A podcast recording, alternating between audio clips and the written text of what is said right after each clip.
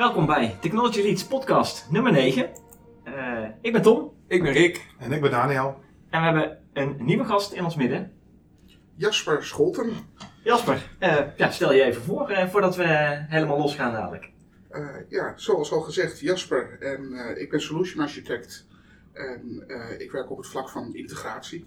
Dus het aan elkaar knopen van, eh, van ecosystemen en applicaties. Geweldig, goed. Ja, we hebben eh, genoeg tijd om daar dadelijk weer wat dieper op in te gaan zoomen. Dus eh, dat gaan we zeker doen. Eh, maar voordat we daar eh, belanden, gaan we altijd eerst even kijken naar een aantal eh, nieuwsitems.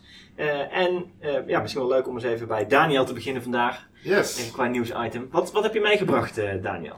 Ja, ik, ehm, ik kwam iets tegen op, eh, op internet. En dat was een eh, nieuwsbericht over Microsoft Excel. Ehm, en ja, Microsoft Excel vind ik nou niet echt het meest ehm, technologische hoogstandje wat er is, zeg maar. En niet nou, het nou, nou, nou, meest innovatieve op dit moment. Oké, oké. Oké, het bestaat al 35 jaar. Ja. Net Ja, zeggen, het is niet het eh, meest sexy, eh, sexy eh, appje wat er is, zeg maar. mhm, mhm. Ehm, maar ik zag iets wat heel tof is. En eh, je kan met eh, Microsoft Excel Mobile Ja. eh, op iOS en Android, eh, kan je straks een foto maken van een document of een, eh, een krant of iets dergelijks waar een datatabelletje in staat. Mhm. En dan kan je dus ehm, eh, die data importeren In Excel. in Excel. Dus dan heb je van je papieren tabel heb je een Ja, Excel tabel gemaakt. ja dus je kan een foto maken, je kan hem een beetje kroppen, dat je ju- de juiste eh, tabel selecteert eigenlijk.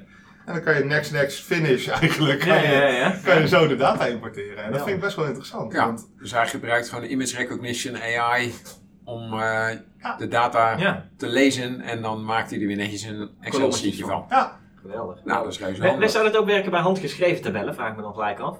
dat weet ik niet. Zullen we een keer moeten proberen? Dat hangt van je handschrift af. Dat hangt van je handschrift af. Nee, maar ik kan, heel goed, niet. ja, ik kan me goed voorstellen dat het heel goed werkt als je eh, op een whiteboard een tabel getekend hebt met wat dingen erin, die je dan even over wil nemen. Dat, dat is natuurlijk wel handig. Ja, aan de andere kant, ja, vaak is, is, zijn dat soort dingen als je ze hand schrijft, zijn ze ook niet zo groot dat je ze eh, geautomatiseerd iets over wil nemen in Excel misschien. Maar, het, het voorbeeld wat ik, wat ik zag op, op, eh, op dat nieuwsartikel, eh, dat was eigenlijk gewoon een boek waar een tabelletje in stond met een aantal jaartallen en wat, Ja, wat het, allemaal het is ook eigenlijk meer een gadget natuurlijk. Ja, ja. Want het is, je gaat niet honderden regels tabel fotograferen en importeren Nee, nee, nee, nee. van papier. Ik vond het wel mooi.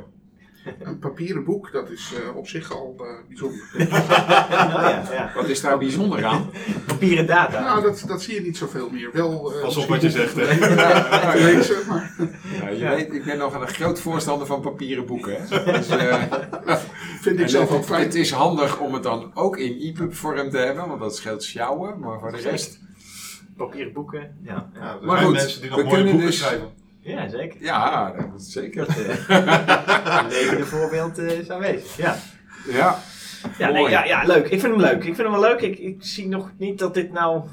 Ja, dat dit wereldveranderend zal zijn, maar... Nee, Nou ja, Ik vind het wel een leuke handige, gadget. Handige gadget, ja. Het is een handige gadget. Af en toe kun je er best wel eens eh, nut van hebben. Ja. Maar ik vind het wel cool dat, en dat is denk ik het onderliggende ook een beetje, ehm, dat ze dus AI en dergelijke gebruiken in eigenlijk niet zulke sexy apps, zeg maar. Niet, niet, niet heel erg, ja, je, Nou ja, het, het, het, geweldig. het demonstreert, vooral de- wat je allemaal kunt met Ja. AI. En als je Ja. er maar even over nadenkt, denk je, hey, image recognition, dit kan er ook mee. hè? Ja.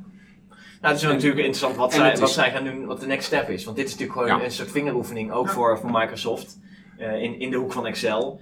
Maar ze zijn natuurlijk met andere dingen bezig. Maar ze moeten weten wat, wat, hier, eh, wat hier kan. Ja, en het is gelijk weer een stukje eh, marketing of verkooptechniek. Want ik zit even dat artikeltje te lezen waar Daniel naar gelinkt heeft. Maar het is alleen voor Microsoft Office 365 gebruikers. Ja, ja, ja. Dus eh, als je, zoals ik, gewoon een licentie gekocht hebt, dan heb je een mooi pech. ja, ja, ja, ja, het werkt natuurlijk, ja, de data en zo, het processen gebeurt natuurlijk in de cloud ergens. En, eh, Uiteraard. En, ja, Ja, waarschijnlijk, wel. waarschijnlijk moet je het uiteindelijk ook exporteren naar een Ja. bestand in de cloud, zeg maar. Dat, dat soort dingen zal... eh, Oeh, dat is natuurlijk een andere ding. Zij krijgen natuurlijk ook al die data die jij scant en wij scannen. En, en die, eh, die Jasper gaat scannen dadelijk, want die gaat natuurlijk gelijk uitproberen. Ja, uiteraard, uiteraard. ik, zie hem, ik zie hem wel kijken inderdaad. Maar ja, ze hebben natuurlijk al die data ook. Ja. Wat, zou daar nog iets achter zitten dat ze gewoon graag veel data willen hebben? Dat is dat eh, heel erg papieren ver data- conspiracy Nee, theory gedachte? Ik, ik denk dat zij de data willen om die AI te verbeteren. Ja, dat is zeg Ja, maar ja, het ja, punt. ja, ja, en ja, eh, de echte data die erin zit, dat boeit ze niet zoveel, denk ik. Want dat hebben ze al zoveel. Ja. Ik, ik denk inderdaad dat het qua het is ook een vorm van integratie, hè? Het is Ja. een data-uitwisseling. Ehm, en dan wel van een bijzondere eh, bron. Maar ik denk inderdaad dat ze, dat ze daarmee het algoritme daarvoor eh, enorm kunnen verbeteren. En daar zal eh, voor, eh, voor Microsoft in deze zeker de waarde zitten. Ja, ja. Integratieaspect. Ja, nee, ja. ja. Ja, Mooi. licenties, wat, eh, wat Rick zegt. Dat is natuurlijk Ja, het, eh, gebruik van het meer gebruik. verdienmodel. ja, ja, meer gebruik van Office 365 versus gewoon eh, ja, lokale versies. Oké. Ehm, nou, ik had ook een eh, nieuwtje meegenomen en dat zit in de ruimtehoek. Eh, afgelopen week, volgens mij afgelopen weekend eh, zelfs, is, heeft SpaceX de Crew Dragon succesvol gelanceerd. Een hoop gejuich steeg op toen de koppeling met ISS plaatsvond. Ja. En ja, ik vind, het, ik vind het toch wel gaaf hoor. Dat we eh, eigenlijk juichen we weer om iets wat we al heel lang geleden ook konden. Ja. Eh, eh, ja, namelijk mensen de ruimte inschieten en Nou ja. een ruimtestation. Maar de, de Amerikanen zijn erg blij dat ze Nee, ja. zonder hulp van de Russen weer naar het ISS kunnen komen. Dat, dat is Want helemaal het waar. is in de internationale politiek toch een beetje lastig dat je dan eh, aan wat mensen in Kazachstan moet vragen: mogen wij alsjeblieft met jou meeliften? Ja, ja, ja. Dus, nee. eh, Plus dat je allemaal Russisch moet kennen en zo. En dat, is, ja, Ja. dat helpt ook niet. ja, dat is waar. Dat vertelde Ja. toen André Kuipers. Ja, ja. Hè, dat hij eh, Je moet moest helemaal Russisch le- leren, Ja. want anders kan je dat ding niet bedienen. Nee, nee, nee. Dat- Ja. ja. En ook niet communiceren met, met de ground control en noem maar op. Dus ja. Ja. En Ripley natuurlijk, hè, die, eh, die aan boord was. Ja, ja, ja, ja, precies, precies. Ja, de, de crashtest dummy. Ja, dummy, juist. Ja. ja, maar dat vond ik eigenlijk het geweldige. Je hebt, eh, hè, we hebben een, eh, ze hebben Crew Dragon gelanceerd, die is de ruimte ingegaan, die is gekoppeld aan eh, de ISS, fantastisch, Ja. hartstikke mooi. Zij openden de deur, wat zit daarin? Een crashtest dummy. Gewoon een grote dummy, en dat is wel helemaal vol met sensoren natuurlijk. Maar dat ja, vind ik toch wel eigenlijk Nou ja. wel weer de good old dummy gewoon weer gebruikt wordt voor, voor dit soort dingen, weet je wel. Ja, Ja, dat vind ik nou wel ja, mooi. het Nou, is een hele mooie manier om eh, eh, zinvolle data te verzamelen over. G-krachten en zo. Tuurlijk, ja. Dus, eh, Proven technology, niks mis mee inderdaad. Ja. ja. en, En hij hangt er zes dagen geloof ik. ja, En dan gaat hij weer terug. terug. Ja, inderdaad. Sturen ze weer wat cargo mee terug. Ja. Maar ik ben ook benieuwd of die dummy nou blijft zitten die zes dagen. Of dat hij ook ISS Dat hij in ISS mag. Ja, ja, ja, ja, ja, precies. geen idee, geen idee. Ja, het, eh, volgens mij is het ook krap genoeg in de ISS. Ik denk dat ze hem lekker niet laten heel zitten. groot inderdaad, dat is niet heel groot, ja. ja. Nou ja, maar ik vond het goed nieuws, want eh, inderdaad wat je zegt, nu kunnen de, nou ja, is dat goed nieuws dat de Amerikanen dan weer zelf de ruimte in kunnen? Ja, ja dat, dat er weer meer manieren zijn om de ruimte in te kunnen, laat ik het zo zeggen. Ik denk dat dat goed nieuws Precies. is. Ja, maar het is Ja, gewoon- en het is wat modernere technologie, want die Soyuz-capsules zijn langzamerhand wel een beetje verouderd. Ja, maar wat ik heel cool vind, is dat Spa- SpaceX natuurlijk een commercieel bedrijf is. Ja, dat is En dat wel. vind ik denk ik de, de, de grote stap die Ja. ze maken. Ja, dat we commerciële ruimtevaartreizen nu Ja. echt mogelijk maken en dat, we, dat ja, wij dus ook gewoon dadelijk de ruimte in zouden kunnen. In principe. Nou, dat las ik ook pas. Dat Virgin heeft nu de, Ja. de eerste gewone toerist eh, de verkocht. hè? eh, of Ja, die is al geweest. De vlucht is al Ja, geweest. ja, dat is waar. Die is al geweest. Maar toen, toen stond er bij de ruimte in geweest. Hij was op 92 kilometer hoogte geweest. Dat was net zo van, dit is de grens van wat wij ruimte noemen. En toen weer terug. Ja. Eh, het zit echt heel erg dat je de, je kunt de kromming van de aarde zien, geloof ik. En, en je, ja, technisch gezien zit je in de ruimte en je wordt een beetje gewichtloos, maar, Beetje, ja. En dat is het. zo. maar het is niet heel veel verder dan wat de mensen met de, eh, met de Blackbird al hè, Klopt, met de klopt. SR-71 eh Maar dit is commercieel. Dus dit, Ja, ja, je hoeft niet een eh, mega training zeg maar, te doen, een jarenlange oefening om eh, daar te komen. Zeg maar. Dus Ja. een beetje geld, dan kun je de ruimte in, kun je erin. Ja. Top. Ik, eh, nou, ik zou het wel willen. Ik zou het wel willen. Zou jij het willen, Jasper? Nou, ik vind dat er toch nog wel erg veel risico aan zit. Oké. Dus ik zou er zelf niet zo snel voor kiezen. Aha. Wacht nog even. Ik, eh, inderdaad, ik denk wel dat het goed is dat nu wel commerciële partijen Ja. eh, daar iets in zitten. Dat, ze- dat zorgt in ieder geval er, in ieder geval ervoor dat niet alleen overheden eh, heel veel geld hierin eh, investeren, maar dat betekent dat er ook een return on investment in zit. Ja, En ja. ik denk dat dat wel een hele mooie eh, grote stap is. Ja, ja dat, dat lijkt me ook wel goed. Dat lijkt me ook wel goed. Ja. Nou, nog even. En we kunnen volgens mij elektrisch de ruimte in. Nu, nu verbranden we nog een hele hoop rocket fuel. Dat lijkt me dan de volgende stap, hè? elektrische vliegtuigen, elektrische raketten of iets dergelijks. Ja, een beetje battery-powered raket eh, of solar-powered. Ja, bijvoorbeeld. bijvoorbeeld inderdaad. Ik weet het nog niet. Maar nou je het daar toch over hebt. Wat was jouw nieuwsitem, Rick? Ja, Heeft dat daarmee te maken dan? precies. Mooi Ik zat, eh, ik zat te luisteren naar eh, BNR. Ja. En eh, inmiddels is het ook als podcast beschikbaar. Maar daar werd iemand geïnterviewd van de Johan Cruijff Arena. Mhm. En die hebben een hele batterij eh, zonnepanelen op het dak liggen. En dan moet je met die elektriciteit moet je wat. En de Johan Cruijff Arena heeft ook het fenomeen dat er af en toe best wel veel mensen in die arena zitten. En als dan de stroom uitvalt, dan heb je een probleem. Ja. Dus ze wilden eh, daar wat eh, op vinden. Dus wat doe je met overtollige stroom? Maar ook hoe kun je noodstroom doen? Ja, ja, ja. En nou, wat we tegenwoordig doen is dus elektriciteit opslaan in batterijen. Dus ze hebben sowieso een heleboel tweedehands autobatterijen in de arena staan, ergens in de kelder of zo. En daar wordt dus stroom ingezet. Maar die capaciteit is niet genoeg. Oké. Maar er komen natuurlijk steeds meer mensen met hun elektrische auto naar de arena toe. Ja. En die gaan ze dan aansluiten om op te laden. Maar op het moment dat nou het grid uitvalt, Ja. dan trekken ze gewoon de batterij van die auto's leeg om dus weer de arena te kunnen verlichten. Dus Moet je daar niet toestemming voor geven? Nou, die mensen die krijgen dan natuurlijk korting op de parkeertarieven en daarmee, Oh, eh, hè, dat ah, willen ze graag. Ja, ja, Dan geven ze toestemming dat hun stroom als noodstroom gebruikt mag Oh, worden. oké. Dus dan is de waarde... Oké, wat kan ik zeggen? Want dat soort dingen is, moet je altijd omzetten in waarde natuurlijk. Hè? Want wat, wat levert het mij op als ik of, ja, persoonlijke data geef of persoonlijk gebruik in dit geval van mijn accu? Ja. Wat, wat zin het voor mij, zeg maar. Maar dat, oké, oké. Ja, maar ja, als, eh, als daar hoeveel Hmm. auto's kunnen we parkeren? Ik denk een paar duizend, misschien wel tienduizend. Nou, Daniel dan weet het wel. Die, weet- die komt daar wat vaker geleden dan ik, geloof ik. Ja, daar zit wel richting de 10.000 denk ik. Nou ja, Ja, 10, ja. dan moet je kijken, 10.000 accu's, eh, daar kun je heel veel stroom eh, in kwijt. Ja, maar dan moet je ook 10.000 aansluitingen hebben. Ja, ja, natuurlijk. bij elke parkeerplek gewoon zo'n... eh, Stekker. Dat is maar tegenwoordig daar zitten ze nog niet hoor. Nee, nee. Zo'n dit klein, klein groepje. nee, maar dat is wel eh, de, de visie voor de toekomst. Ja. Dus Dat je alleen... overal- Ja, maar dan is als- stekkers toch niet meer de toekomst ook? Je gaat er niet 10.000 stekkers installeren. Ja, kijk, er is natuurlijk een hele ander probleem met deze maar- business case. Dat nu denken wij dat straks iedereen met een elektrische auto naar de arena komt en hem Ja. daar parkeert. Ja. Maar als we iets verder zijn, komt iedereen met een zelfrijdende elektrische Ja, auto. ja, ja, ja. en die rijdt daarna weer weg. Ja, En dus Ja. die staan helemaal niet Nee, geparkeerd. dat Dus, geloof ik ook niet dus deze business case op langere termijn, ik weet het nog niet. Maar ik vond het wel een heel mooi, eh, mooi nieuwtje. Ik vind, Ja. ik vind het initiatief inderdaad wel mooi. Ik vraag me wel af, als je nu kijkt naar bepaalde eh, stadions, dan hebben ze problemen om het stroomnet stabiel te Mhm, houden, omdat er mhm. zo verschrikkelijk veel stroom wordt gebruikt. Ja. Dus ik ben wel benieuwd wat er dan gebeurt. eh, op het moment dat ze dit soort initiatieven doen, dan zou je eigenlijk ook wel willen dat ze niet meer eh, aggregaten aan laten slaan om eh, elektriciteit bij te stoken op basis van eh, benzine en diesel. En dat maar nu dat wel. is dus ook Ja. de bedoeling. Ja, want in de arena staan nu een paar van die grote dieselgeneratoren. Ja, ja, ja.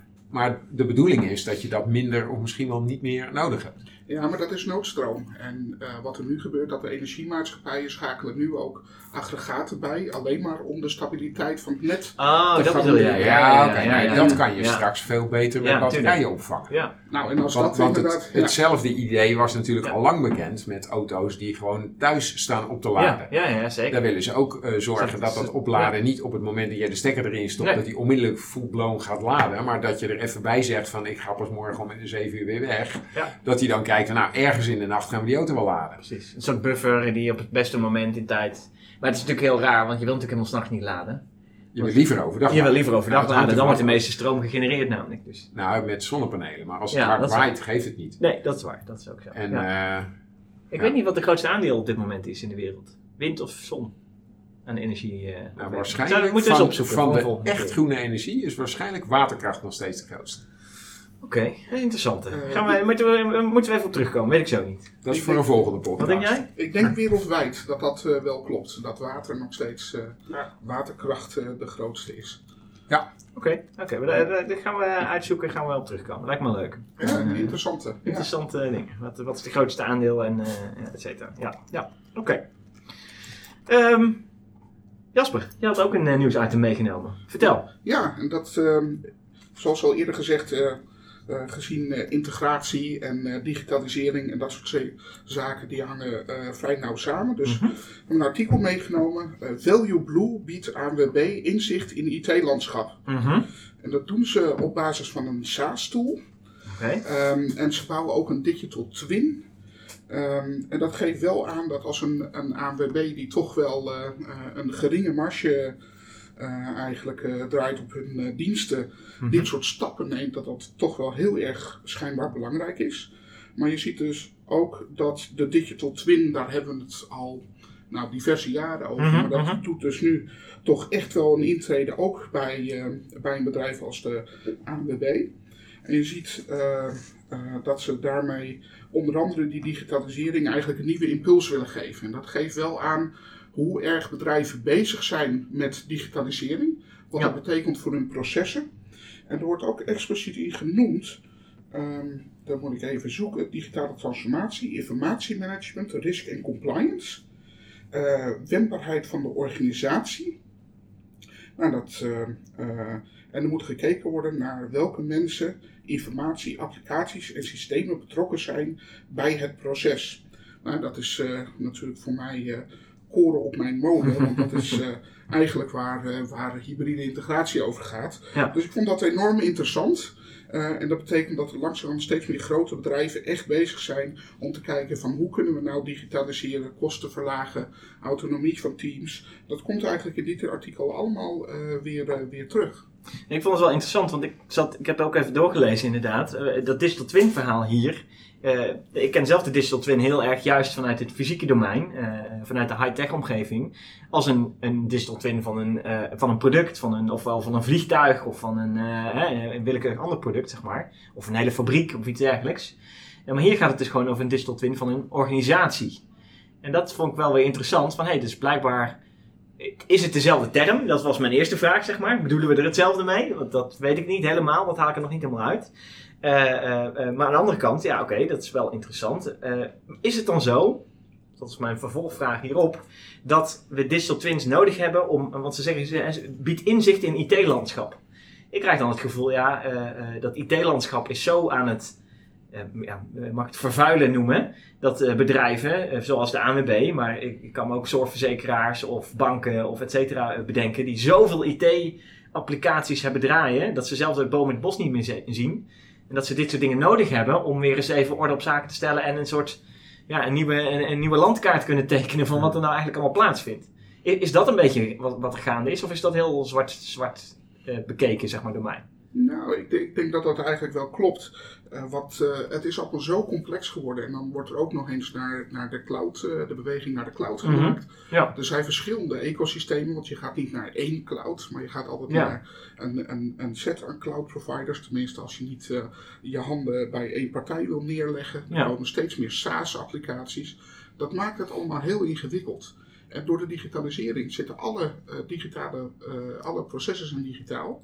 Dus dat betekent dat, dat het grootste gedeelte van, van je processen dus in die systemen zit. Ja. Nou, als je een what-if scenario eh, wil doen, of een nieuwe website live wil zetten, of een aanpassing in een proces wil maken, dan is het heel erg lastig om het overzicht en het inzicht Ja, te ja, hebben. ja, ja, ja. En dus echt dat overzicht, dat, dat door zo'n digital twin van je organisatie te creëren, dus eigenlijk van je IT-landschap te maken, creëer je weer wat overzicht, wat inzicht, zeg maar. Dat is een beetje de gedachte erachter. Dat is in ieder geval wel de, de, de, de hoofdmoot. Ja. Maar dat is dus inderdaad wel een verschil met Ja. de digital twin die je uit de industrie kent.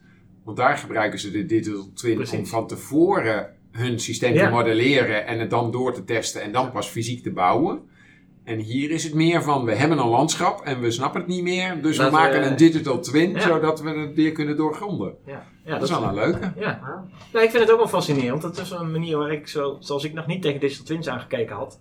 Nee. En het, is, ja, maar het voelde me ook een beetje zo van, oh ja, nu, dit dreigt allemaal mis te gaan. Dus ja, misschien een beetje een zwartgallig scenario eh, wat ik ervan maak. Maar eh, laten we dit dan inzetten om nog enigszins chocola van te maken. Nou, ik, ik kan me dat bij de ANWB wel weer voorstellen. Want wat mij aan de Oh. ANWB altijd opvalt, is dat dat voor zover ik ze ken, de organisatie is met het meest diverse IT-landschap wat je maar kan verzinnen. Want de ANWB heeft winkels, waar ze dus gewoon Ja. kassaterminals hebben staan. Zeker. Maar ze hebben ook een eh, alarmcentrale die 24-7 beschikbaar moet zijn Ja. om mensen van de wintersport te evacueren, zoals nu weer aan de gang is. Ja, ja, En ze hebben een uitgeverij met het grootste eh, maandblad van Nederland. ja, zo En ze hebben een verzekeringsmaatschappij. Ja, Ja. Eh, Ze hebben nou, en apps, dan- apps draaien natuurlijk, om daarom, eh, eh, mensen toegang te Dan geven. vergeten we nog even de wegenwacht. Wegenwacht met, met zelf, gewoon ja. 800 auto's op de weg die allemaal met live data gekoppeld zijn.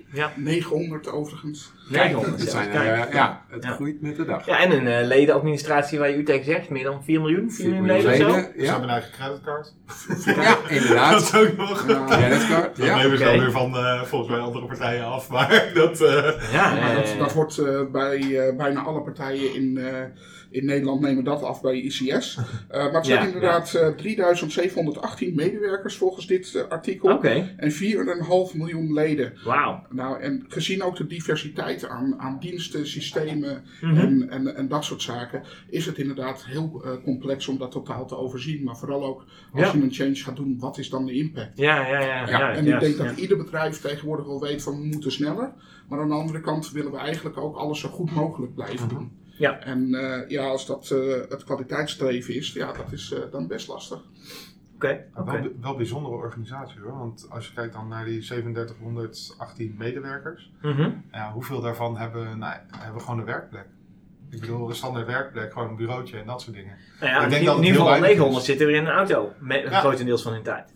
Nou ja, dat soort Of dingen. gewoon Dus, onder- op de ja. weg. Dus, dat, ja. dus dat is ook nog eens heel divers. ja, Ja, en er zijn er ook nog een stuk of tien die zitten op de radio. Ja. De verkeersinformatie Ja, voor ja, te ja, lezen. ja, ja. Is dat ANWB? Ja. Ja, dat is ook ANWB. Ook Dat is ANWB. ANWB, ja. Ja, dat is waar. mooi Het is zeg. echt ongelooflijk wat die allemaal doen. eh. maar Ja, daarom kan ik ja, me voorstellen dat hun, ja. Hun IT-landschap ook zo ingewikkeld is. Ja. En dat zij dus baat hebben bij tools om dat in kaart te brengen. Ja, Zeker. misschien nog wel Want- meer want- dus als de banken en de verzekeraars eh, Ja. dat, eh, dat hebben. Ja, Ja, want wat je wel ook beter ziet in... eh, bij, bij veel organisaties die zo groot en complex en ook zoveel legacy hebben, is dat ze eh, gewoon moeite hebben om nog te doorgronden wat heeft impact op wat. Want ik heb eens bij een andere Ja. organisatie gezeten waar eh, ze onderscheid maakten tussen, nou zeg maar, business critical en kantoorautomatisering. ja, ja. En toen zat er in kantoorautomatisering bepaalde data die ze via een app wilden ontsluiten, waarmee ze kantoorautomatisering opeens business critical hadden gemaakt. Ja, ja, ja, omdat En- je ineens een link naar buiten Ja, die je opeens een link naar buiten. was, En als dan die app plat gaat, zijn opeens alle klanten boos, terwijl je gewoon een beetje KA-data zitten, eh, erop Ja. zit te zetten. Dus, dus ja. Ja. dat is voor eh, eh, IT-managers is dat wel het grootste Is probleem. dat wel, ja, oké. Ja, dat, dat komt toch weer terug op eh, integratie. Hè. Dat blijft natuurlijk een beetje mijn stokpaardje. Mhm. Maar je ziet dat, eh, dat die integratie inzichtelijk hebben, dat dat inderdaad de meerwaarde is eh, voor, voor een bedrijf om wendbaar te blijven. En ook te zorgen dat je, dat je snel kunt veranderen. Tegenwoordig hebben we natuurlijk een aantal eh eh, new entrants, wordt dat wel genoemd in de markt. Hè? Nieuwe partijen die in de markt komen, Mhm. die dus die legacy niet hebben. En die kunnen dus daarom heel snel bewegen. Oh, ja. En dat Ja, zorgt Ja, ja, die hebben die legacy niet, ja. Ja, en dat, dat zorgt ervoor dat je met veel minder zaken rekening hoeft te houden. Maar ja, je kunt moeilijk zeggen van nou, ik doe eh, met alle eh, eh, cijfers of Mhm. met informatie van mijn klanten. Van nou joh, we vergeten gewoon het verleden en we beginnen opnieuw. Ja. Dat kan niet. Nou, ik zou, ik, wou- ik wou net zeggen, zou, zou dat dan niet een bijna een betere strategie zijn? Dat je, als je dit soort dingen gaat doen en het wordt te complex, dat je dan moet zeggen, ja, we, we moeten het verleden loslaten. We moeten net als die new entrants, wat je zegt, Ja. eh, aan de gang eigenlijk. We moeten het echt ook helemaal van nul af aan opbouwen. Nou, dat, dat- dat, is dat dat- klinkt leuk, maar wat doe je ja, met je legacy? Ja. Nou, misschien moet je dus twee paden gaan creëren, zeg maar. Dat je, je intern jezelf opnieuw uit moet vinden. Nou ja, Ja. Wat, wat, wat, wat, eh, ehm, ja, ik doe heel veel met eh, process automation. Mhm. En wat we daar eigenlijk eh, altijd als idee hebben, is dat we business process automation en robot process automation hebben. Ja. En dat zijn die, precies die twee paden Ja, eigenlijk. ja, dus je ja, wil, ja. Uiteindelijk wil je business process automation, dat is uiteindelijk het, het einddoel, Ultieme, zeg maar. eh, Dus je wil plaatje, gewoon ja. API's hebben die je kan koppelen en weet ik veel wat allemaal. Ja. En voor de time being kan je een ro- robotic process, eh, process automation instellen om te zorgen dat bijvoorbeeld die legacy systemen, dat dat toch nog op een bepaalde manier overgaat naar een Ja. nieuwe situatie. Ja, ja. Ja, en dat is dus het moeilijke de- speelveld. Even voor de luisteraars die geen idee hebben waar je het over hebt. Als Ja. ik het goed interpreteer, dan betekent robo- robotic process automation dat je data die je een systeem in wil hebben, gewoon via de GUI door een toeltje in laat kloppen. Ja, Wat bijvoorbeeld met testtools kan. Hè. Sommige Ja. testtoolleveranciers die storten zich nu volledig op robotic ja, process ja, automation. Ja, ja, ja. Want dan kunnen ze hun tool ook in de productieomgeving verkopen. Exact. En bij Business Process Automation, daar uh, koppel je applicaties rechtstreeks via API's. Ja. En de truc is natuurlijk om op je legacy systeem een API te gaan bouwen, zodat je Robotic Process Automation niet meer nodig hebt. Dus Ja, die dat je business dat case van die mooie. Ja. toeltjes is vrij eindig. Ja, ja, ja. nou ja, voorlopig zal dat nog wel even, denk ik, eh, een, Ja, eh, nou, de- precies. Ik, een lang ik ben leven betrokken hebben. bij het uitfaseren van een legacy applicatie. Ah, ja. Het loopt al acht jaar. Ja, ja, Ja. nee, ja, ik wou net Ja, zeggen. maar dat is ook het lastige altijd, want het, het kost gewoon echt heel veel tijd om dit voor elkaar te krijgen Ja. op een Ja. goede manier. Kijk, als je echt afscheid wil nemen van het platform, Mhm. eh, en sommige, eh, we hebben nog bedrijven die bijvoorbeeld mainframe hebben staan, Ja, dan moet je je afvragen, van, ga ik inderdaad veel geld investeren ehm, in eh, een tool om ervoor te zorgen dat ik dat mainframe ga ontsluiten? mhm. Of zeg je van nou, dat mainframe, hè, dat is een, eigenlijk een monolith, daar moeten we toch afscheid van nemen. En dan zou het wel een manier kunnen zijn om één, eh, in één keer je data over te kunnen brengen naar een ander systeem. Ja. Zonder eh, dat je Ja. eh, daarbij, hè, er zijn meerdere strategieën. Je zou de database kunnen oppakken en Ja. de data eh, kunnen transformeren. Je zou ook kunnen zeggen van nou, dan voeren we in opnieuw via de GUI. Maar als je afscheid gaat nemen van dat platform, vind ik het helemaal niet zo'n slecht idee. Want het gaat natuurlijk in, in de wereld nu om hele duidelijke platformkeuzes. En daar hangt ook het bedrijf, de toekomst van je bedrijf van af. Ja. En dan denk ik, nou dan vind ik dit op zich nog niet zo slecht om dat in een min of meer eh, eenmalig, want het zal waarschijnlijk afhankelijk van de hoeveelheid data niet in één keer kunnen. Ja. Maar in ieder geval om dan toch die gegevens eh, in je nieuwe systeem te krijgen. Dat kan wel een manier zijn. Oké. En je hebt het nou al een paar keer over hybride integratie gehad eh, Ja. eh, als onderwerp. Hè? Dat is een van de dingen waarom we jou ook hebben uitgenodigd natuurlijk om, eh, om het daarover te hebben. Kun je, eh, maar ik, heb al, ik begin nu een beetje beeld te krijgen bij hybride integratie. Kun je dat heel kort neerzetten? Wat, wat is hybride integratie? Want dat is natuurlijk een vrij abstracte term. Ja. Wat is het? Uh, hybride integratie, integratie, eh, dat heb ik al eerder genoemd, dat is eigenlijk het aan elkaar knopen eh, en gegevens uitwisselen tussen verschillende gegevens. Wat is daar hybride aan? Nou, we hebben niet meer alleen een on-premise wereld. Ja. Hiervoor draaide alles on-premise en hadden we eigenlijk één omgeving waar we rekening mee moesten houden. Oké, dus dan heb je het over de, de, de, de, de databases die eh, in eh, die hele oude eh, legacy systemen zitten. Tot eh, Nou, ja, In principe betekent on-premise gewoon een computer die in je eigen gebouw staat. een server rack precies. of een, eh, Ja. eh, En ja, als tegengestelde van de cloud. een mainframe zou het ook kunnen zijn. Precies, eh, en dat kan inderdaad een monolith zijn, maar dat hoeft niet. Hè. We hebben Mhm. allemaal ook een eh eh, eh, gebouwbeheersysteem. Daar zou Ja. je misschien ook wel gegevens mee willen uitwisselen. En die zie ik nog niet zo snel naar de cloud gaan. Maar wie Nee, weet wat er ja. mogelijk is. Eh, maar eh, het hybride eraan is dat je met verschillende ecosystemen, die ofwel van jezelf zijn of in de cloud staan. Ja, En dat wordt steeds meer. Want wat gaan we doen? We kopen steeds meer eh, SaaS-applicaties. Dan Mhm. wordt het voor ons gemanaged. Dat betekent dat je niet zoals in je eigen datacenter je applicatie kan aanpassen of een tooltje kan installeren. Ja. Maar je neemt dus af wat er is. Vaak heeft hij een standaard API en wil je daar eh, toch gegevens mee kunnen uitwisselen om eh, je processen bijvoorbeeld te digitaliseren. Daarom is het ook in die beweging zo belangrijk. Dus hybride is eigenlijk dat je eh, verschillende omgevingen, ecosystemen hebt waar applicaties in staan die data met elkaar Ja. uitwisselen of gegevens. En als hybride dus ook vooral dat je een aantal van die applicaties wel kunt controleren, omdat die, je- daar, ben je eigenaar van, zeg maar. Hè? Dus die mag je zelf aanpassen. Ja. Eh, eh, en een aantal dingen die neem je af eh, as a service, hè, zoals je al zei. En daar heb je verder geen, ja, je, je krijgt nieuwe versies misschien op een gegeven moment op, opgeleverd. En dan moet je tegen de API die gedefinieerd is, moet je tegenaan praten en dat is het, zeg maar. Daar kun je verder niks aan veranderen. Zo even zwart-wit gezien. Precies, je ziet ook een, een, een, verandering optreden. Door deze hele beweging zie je dat in die hybride integratie, ehm, dat je daarin eh, ziet optreden dat eh, niet alleen gespecialiseerd personeel eh, dit soort definities maakt, maar dat er ook behoefte is om bijvoorbeeld de verjaardagskalender van het personeel te koppelen aan een site van een bloemenleverancier Ja. om automatisch op, een, op de Ah, ja. verjaardag van de medewerker een, een bloemetje te sturen. Ja. Dit soort dingen dat komt steeds meer dichterbij. Dus je ziet dat er niet alleen meer een expert integrator is, maar dat er ook een ad hoc integrator is. Dus bijvoorbeeld een Java-programmeur die eh, snel een integratie nodig heeft. Vroeger zou je dat hebben gevraagd aan een afdeling die centraal die integraties Ja, regelt. ja, ja. Maar dat is niet meer van deze tijd. We hebben autonome teams. En daarom zie je dat daar ook een ad hoc integrator dat gewoon eigenlijk zelf moet kunnen. Maar dus ook een secretaresse die eigenlijk een simpele integratie tussen, ik noem maar iets, LinkedIn en Facebook wil realiseren, dat moet eigenlijk, moeten de huidige tools dat ook tegenwoordig ondersteunen. Dus je ziet een hele verschuiving van personeel, van wie doet nou eigenlijk integratie. Was dat eerst met name de IT-afdeling, zie je nu in, in steeds Ja. meer lines of business, zoals ik dat dan noem, ehm, zie je dat ook plaatsvinden. Maar Maar dat betekent ja. dat ook dat dus die of de user interface eh, heel erg gebruiksvriendelijk wordt. Want, want Ja, dat als moet wel, een, Ja. een gemiddelde medewerker eventjes een koppeling tussen twee systemen moet eh, leggen, dan kan je niet verwachten dat die allemaal Java plugins gaan zitten schrijven. dus dat, dat zal dan met een beetje drag en drop eh, moeten kunnen. Ja, inderdaad. Je ziet dat er wel natuurlijk verschil zit tussen een ad hoc en een citizen integrator. De citizen integrator zijn de, de secretaresse of een, eh, een business analyst. Eh, Ja. die, eh, die gewoon een eh, integratie wil downloaden, controleren of de definitie goed is en Ja. online zetten. Is, is, dat dan bijna, is dat dan bijna het voorbeeld van Excel wat we toen straks zagen?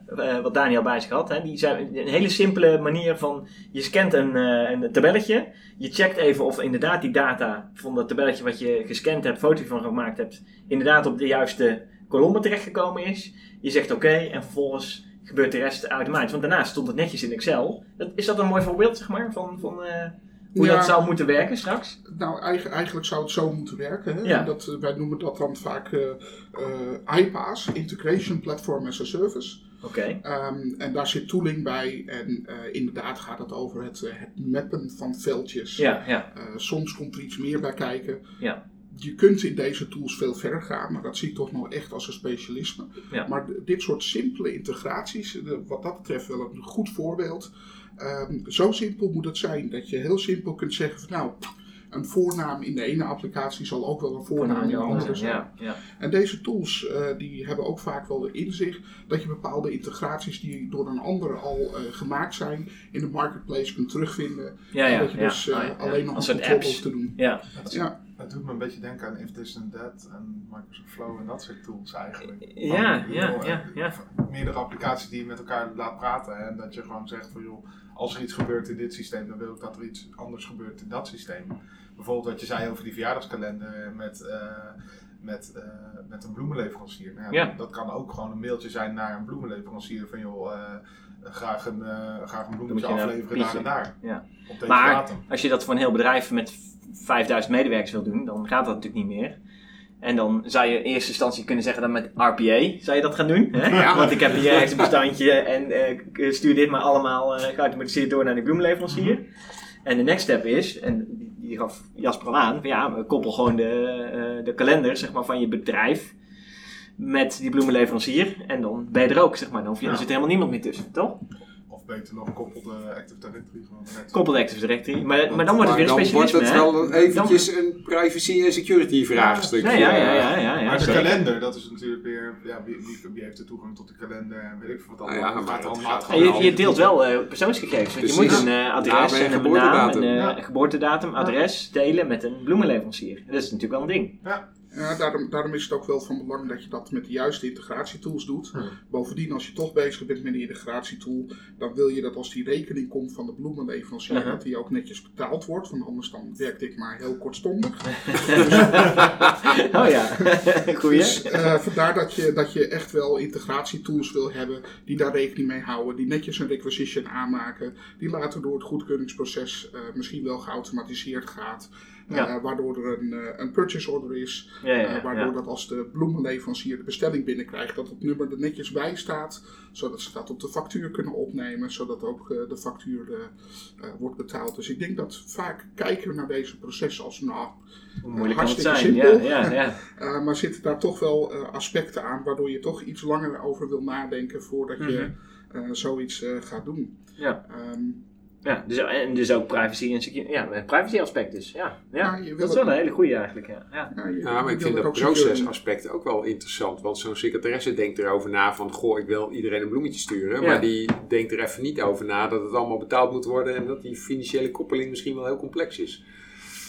Ja, als je het voor 5000 keer zou moeten doen, Ja. individueel, is dat niet zo handig, wil je zeggen. Ja, dan wil je dat grotere Ja, eh, Wat plaatsvinden. je ook ziet, ik hoorde vorige week nog zo'n voorbeeldje. Dat heel veel dingen waar je mee wil koppelen, die hebben gewoon hun eigen criteria aan hoe Mhm. moet je betalen. Hè. Wij hadden een issue met er moesten wat examens geregeld worden voor medewerkers. Oh ja. En het bedrijf waar je die examens kan regelen, die zegt gewoon: iedereen die examen doet, moet hem even zelf met zijn eigen creditcard betalen. Ja, maar wij willen als bedrijf het gelijk betalen. Ja, Ja, dan moet je als bedrijf met een creditcard die dingen gaan betalen. Maar ja, een bedrijf heeft niet zo vaak een eigen creditcard. Nee, dat is waar. Dus dat is allemaal weer heel complex. Plus dat je dan in één keer misschien wel 100 of 200 ja, betalingen achter elkaar doet. Dan moet je, zegt- ja, dat, dan Dan zou zegt zo'n creditmaatschappij van, een hé, wacht eens even, er kan gaat waarschijnlijk ergens een vlaggetje omhoog van, hé, wat gebeurt hier? Wat gebeurt hier? En maar- dan stopt ja, het en maar dan is dan, ook de eh, vraag, kan dat niet handelen? Nee, ja, kan ja. ja, ja Dus, eh, en dan krijg je toch weer hele mooie procesvraagstukken. en dan blijkt. eh, en- en- maar de- hier loop je dus tegen schaalbaarheid van IT aan. ja, ja, ja, ja, ik kan het zeggen, ja. Dat dingetjes die voor één persoon werken, hoeven niet voor honderd personen te werken. Ja, maar ja, maar het wordt gewoon anders. Want neem nou weer die bloemenleverancier als voorbeeld. Dat is natuurlijk wel handig. Waarschijnlijk is het zo dat een bedrijf gewoon een afspraak maakt met een bloemenleverancier. En die zegt, ik wil voor bedrag X voor al mijn medewerkers een bloemetje. Ik wil het niet per stuk afrekenen. Ik wil gewoon, ik wil het afkopen. Ja. En Ja, hier is een bestand met, eh, eh, met de mensen en namen en adressen. En leef je uit. Zorg dat het lukt, zeg maar. Maar dat is natuurlijk een heel andere manier van een dienst afnemen. Hetzelfde als met, met het betalen van zoveel eh, examens. Eigenlijk wil je gewoon dat bedrijf A en B samen zitten. Een prijs afspreken voor het totaal en klaar. Ja, maar dan heb, dan heb je het weer over het inrichten van complete processen. Ja, en ja, waar Jasper ja, het over heeft, is juist waar, dingen laagdrempelig maken. Dus dat, dat, is, dat is wel een hele boeiende.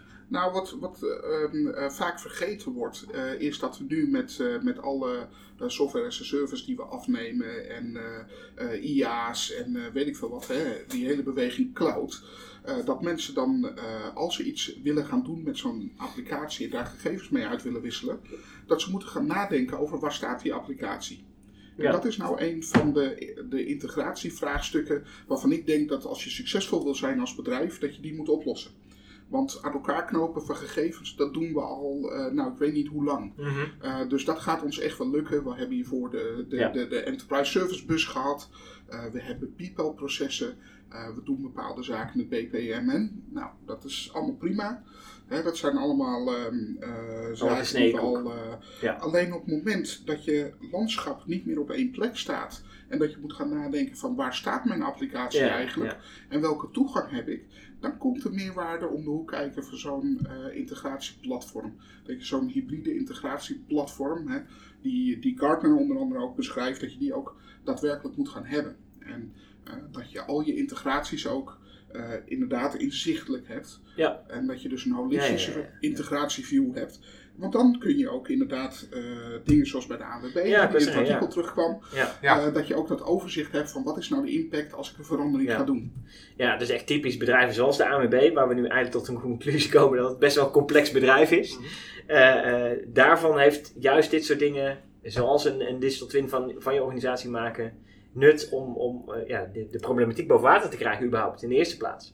Ja, en te weten waar je risico's Ja. liggen. Ja. Uh, en inderdaad ook te kijken van, Ja. nou, ik, ga, ik zit nu bij een klant, ehm, eh, die, eh, daar heb ik een hele mooie opdracht. En dan gaan ze een CRM-systeem vervangen. Nou, dat is eh, best wel eh, complex, want die eh, komt natuurlijk in alle systemen terug.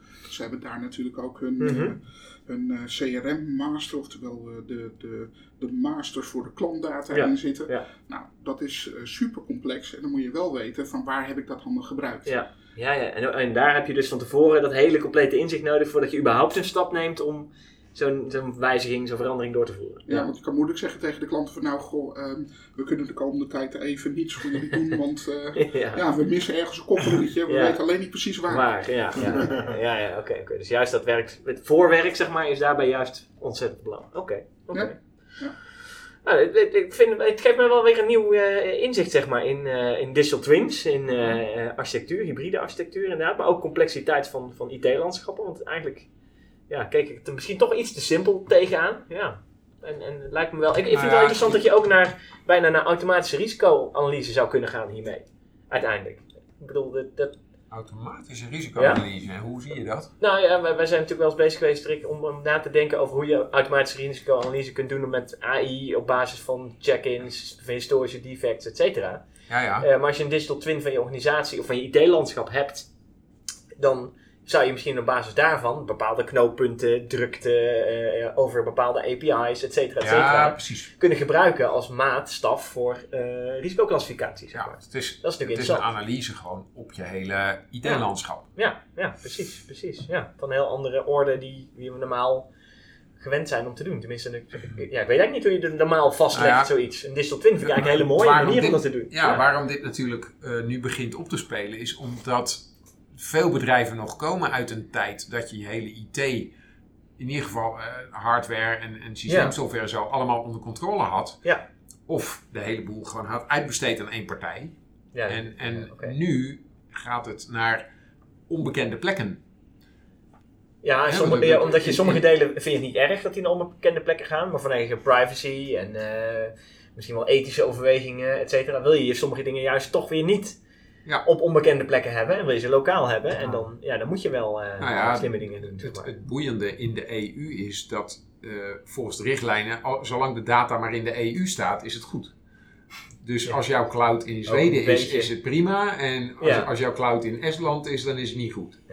Wat ook een vreemde redenering is natuurlijk, maar bijzonder vreemd. hè. We, we horen Ja. ook veel bij klanten die maken zich dan zorgen omdat bijvoorbeeld de backup van, eh, van een eh, cloud provider naar Amerika wordt weggeschreven. ja, Eh, dat zijn ineens eh, dan eh, ja, dat is dan een, een dingen die een probleem. rol spelen. ja. Ehm, daarnaast is het natuurlijk wel zo dat door die verspreiding over de verschillende ecosystemen, dat eh, daarin ook heel belangrijk is dat dat inderdaad secure gebeurt. ja op de juiste manier. Maar wat vaak vergeten wordt, van wat is nou als wij deze marketingcampagne gaan doen? Mhm. En we krijgen nu ineens dat er, eh, ik noem maar wat, eh, dat we eh 50.000 eh, nieuwe leden zich willen aanmelden vandaag op de site. Ja, Wat betekent dat dan voor onze systemen?